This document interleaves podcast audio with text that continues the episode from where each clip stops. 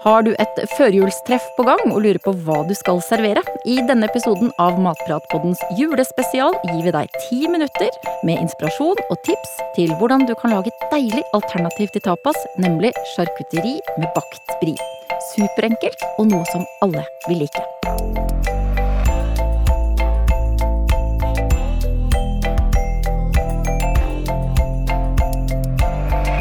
Jeg heter Katrine Ude, og med meg i studio har jeg matekspertene Anette Fjelling Hansen og Cecilie Maske. Hei! Hallo.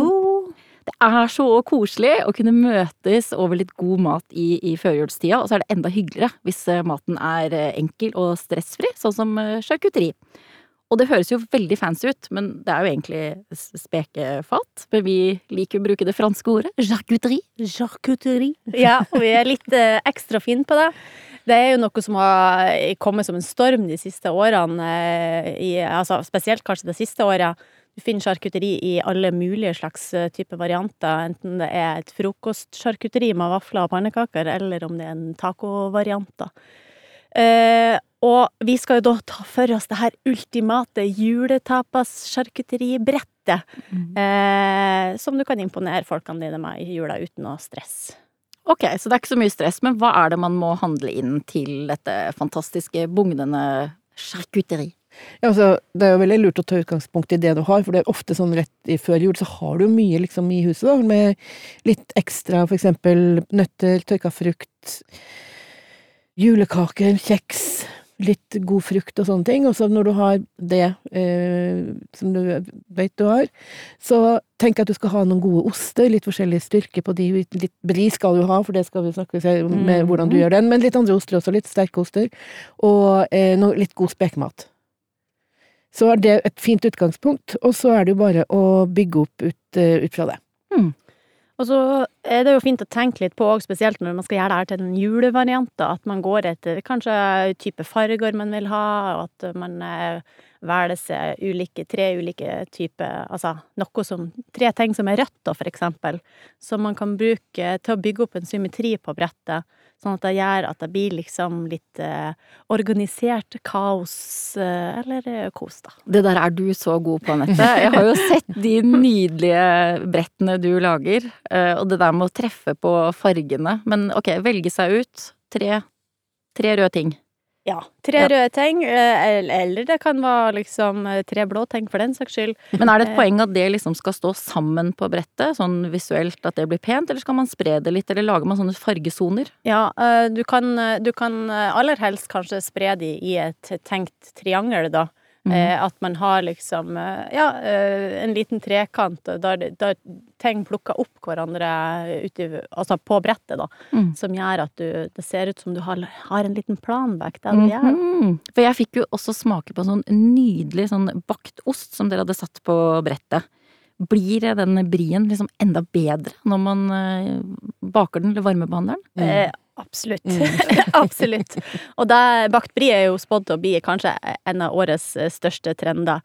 Eh, så det var jo derfor at vi ville putte den på det her brettet òg. Mm. Og det er jo bare ja, altså, det, det er vanskelig å beskrive den smaken, da. Men eh, når du får smelta ost, altså, det kan jo ikke bli bedre enn det, nesten. Det er kjempegodt. med, Mm. Ja, andre sjokolader og andre ting er jo òg godt, liksom. Men bakt ost mm. Og vi hadde Vi brukte filodeig, så vi la den inn i ildfast form. Filodeig, eh, bare lagvis. Eh, for å gjøre den litt sånn mer ekstra dekorativ på det her eh, brettet vårt, da. Så det blir nesten som en sånn pai på en måte Ja, rundt, da. Det kan man si. Mm. Men hvordan er det man baker den, da? Det er jo ikke så veldig vanskelig. Hvis du har en, en ost, så må du ha en, en form som er eh, like stor som den, eller som, og som tåler varme i ovnen. Og så hvis du vil bruke filodeig, du trenger ikke å gjøre det, men hvis du har lyst til å bruke filodeig, så skjærer du de i sånne kvadratbiter, litt større enn en den formen du skal bruke, og pensler hvert ark med spelta smør. Formen må også pensles med smør, og så legger du ett og ett ark nedi pensmelsmør og legger de oppå hverandre, litt sånn Litt sånn hulter til bulter, sånn at det ligger utover kanten som en, nesten som en sånn blomst, da. Å ja, det bretter seg Ja, litt. det brett, ja, ikke sant? Det blir litt struktur, og så legger du osten oppi der. Mm. Og så bruker en kniv og snitter litt fine snitt, eh, eller sånn rutemønster på toppen av osten, og så inn i ovnen på 180 til 200 grader eh, i ca. 10-12 minutter. Og så kan du etterpå pynte den med litt eh, honning og, og nøtter, for eksempel, eller litt tørka frukt, eller kanskje litt eh, friske bær. Det Mm. blir så sjukt digg. Altså, tenk deg når den Mm. honningen smelter nedi det her, og Mm. du drar, drar opp kjeks og bare Men skal den osten bli nesten sånn Altså hvor rennende, eller blir den bare sånn myk og lun? Altså, Brie har jo et sånt hvitt lag rundt seg, ikke sant, som holder det hele på plass, egentlig, og så har du snitta inn, så det er lett å komme til den myke innsiden. Men altså, innholdet blir jo helt flytende. Mm. Så Det varierer jo bitte litt kanskje fra ost til ost, men, eh, Ja. men eh, du får jo fast utapå mjúk inni. Mm. Men nå er vi jo eh, Vrien er eh, bakt, man har eh, lagt opp noe på brettet, og så må man liksom gjøre den siste pyntinga, Anette, for å få dette til å virkelig være et blikkfang på bordet. Da vet jeg at du Her briljerer du, få høre. briljerer og briljerer, du. Men det jeg bruker å gjøre, det er jo først og fremst å tenke på ulike Hvor mange typer spekemat har du, for eksempel? Og så tenk på ulike måter å brette de her på. Og det som òg har vært veldig populært, det er jo å bruke eksempel spekepølser som du eh, bretter over kanten på et glass. Bare rundt i rundt i, rundt i rundt i tull, skulle jeg si. Mm.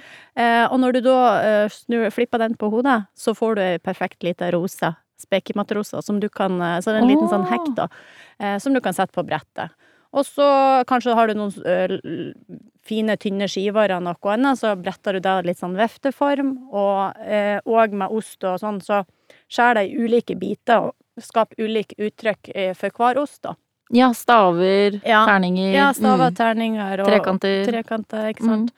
Og, og så er det jo da, eh, som jeg sa i stad, det her med å eh, tenke hele tida triangel, og vri på trianglene, og lage eh, på en måte et eget mønster av hver enkelt ting. Og hvis Mm. du da plasserer de store tingene først, så er det lettere å, å gå inn og ta de her småtingene. Eh, og, og det er jo det som er liksom litt trikset, at du får jo etter hvert veldig mye mat oppå der, eh, men hvis man jo hele tida organiserer det litt, da, så ser det jo eh, ut som, ja, som du har hatt en liten plan, da. Mm, Mm. Ikke bare nedlessa, for det skal jo ikke være Nei. Det skal jo se lekkert og, og fristende ut. Mm. Og det er veldig lurt å tenke sånn eh, Ja, jeg nevnte tre, at du har tre ulike ting, men du kan òg bruke eh, fem ulike, eller sju, at du tenker litt sånn oddetall, sånn at du eh, eh, får gjort av meg mening. Ja, så i hvert fall ikke partall, da. Det Nei. skal man ikke ha. Nei. Gud å, forby. å, å, Hysj! hysj! Nei, det skal du aldri ha når du legger opp eh, verken det ene eller det andre. Eh, det må du lære deg, Katrine. Men eh, ja, i hvert fall de store tingene først, og så fylle små, små ting og skåle og digge etterpå. Ja, Og jeg, jeg må jo si at dette er jo ikke bare en sånn førjulsgreie. Dette kan jo være like godt for et uh, lite lag i mellomjula. Mm. Og da har man jo sikkert fått en eller annen sånn spiselig gave, eller flere. Mm. Og det er jo en super måte å få brukt de på, for det har en tendens til å bli stående i skapet. Det kan man jo bare innrømme. innrømme. Fikensyltetøy og sånt. Ja, ikke sant. Men så plutselig så har du en anledning til å, til å servere og sette det på bordet. Det er jo genialt å liksom få frem alle de gode, gode tingene du har i jula på en gang, Mm. egentlig. Og det er sånn som bare står på bordet, og så driver du bare og spiser og spiser og spiser utover kvelden. Sant? Så ja. Mm. Jeg kjenner til den. Men eh, brød, er det, er det, passer det med noe godt brød til eh, charcuterie? Charcuterie. Passer alltid med godt passer brød. alltid med godt brød. Og eh, altså, du kan jo bruke ulike kjeks og typer og, og julekaker og sånn i den her, da. Eh, salte småkjeks som du legger på brettet. Men du kan jo òg, eh, skal du ha et større brett, så kan du jo servere brød på sida, sånn at det er nok til en og da er jeg er veldig glad i surdeigsbrød, jeg, da, men jeg skal jo ikke si at du skal bake det, for da har du jo stresset gående, så, men eh, i alle fall det er, Godt brød er alltids eh, godt. Og så kan man bruke pepperkakene sammen Ja. med den blåmuggosten. Ja, Mm. det er fantastisk. Mm. Og fikensyltetøy. Mm. Har du en egen vri på ditt sjarkutteri eller et nydelig tilbehør til bakt bri som du har lyst til å dele med andre, så tagg oss, eller bruk hashtag matprat. Vi høres.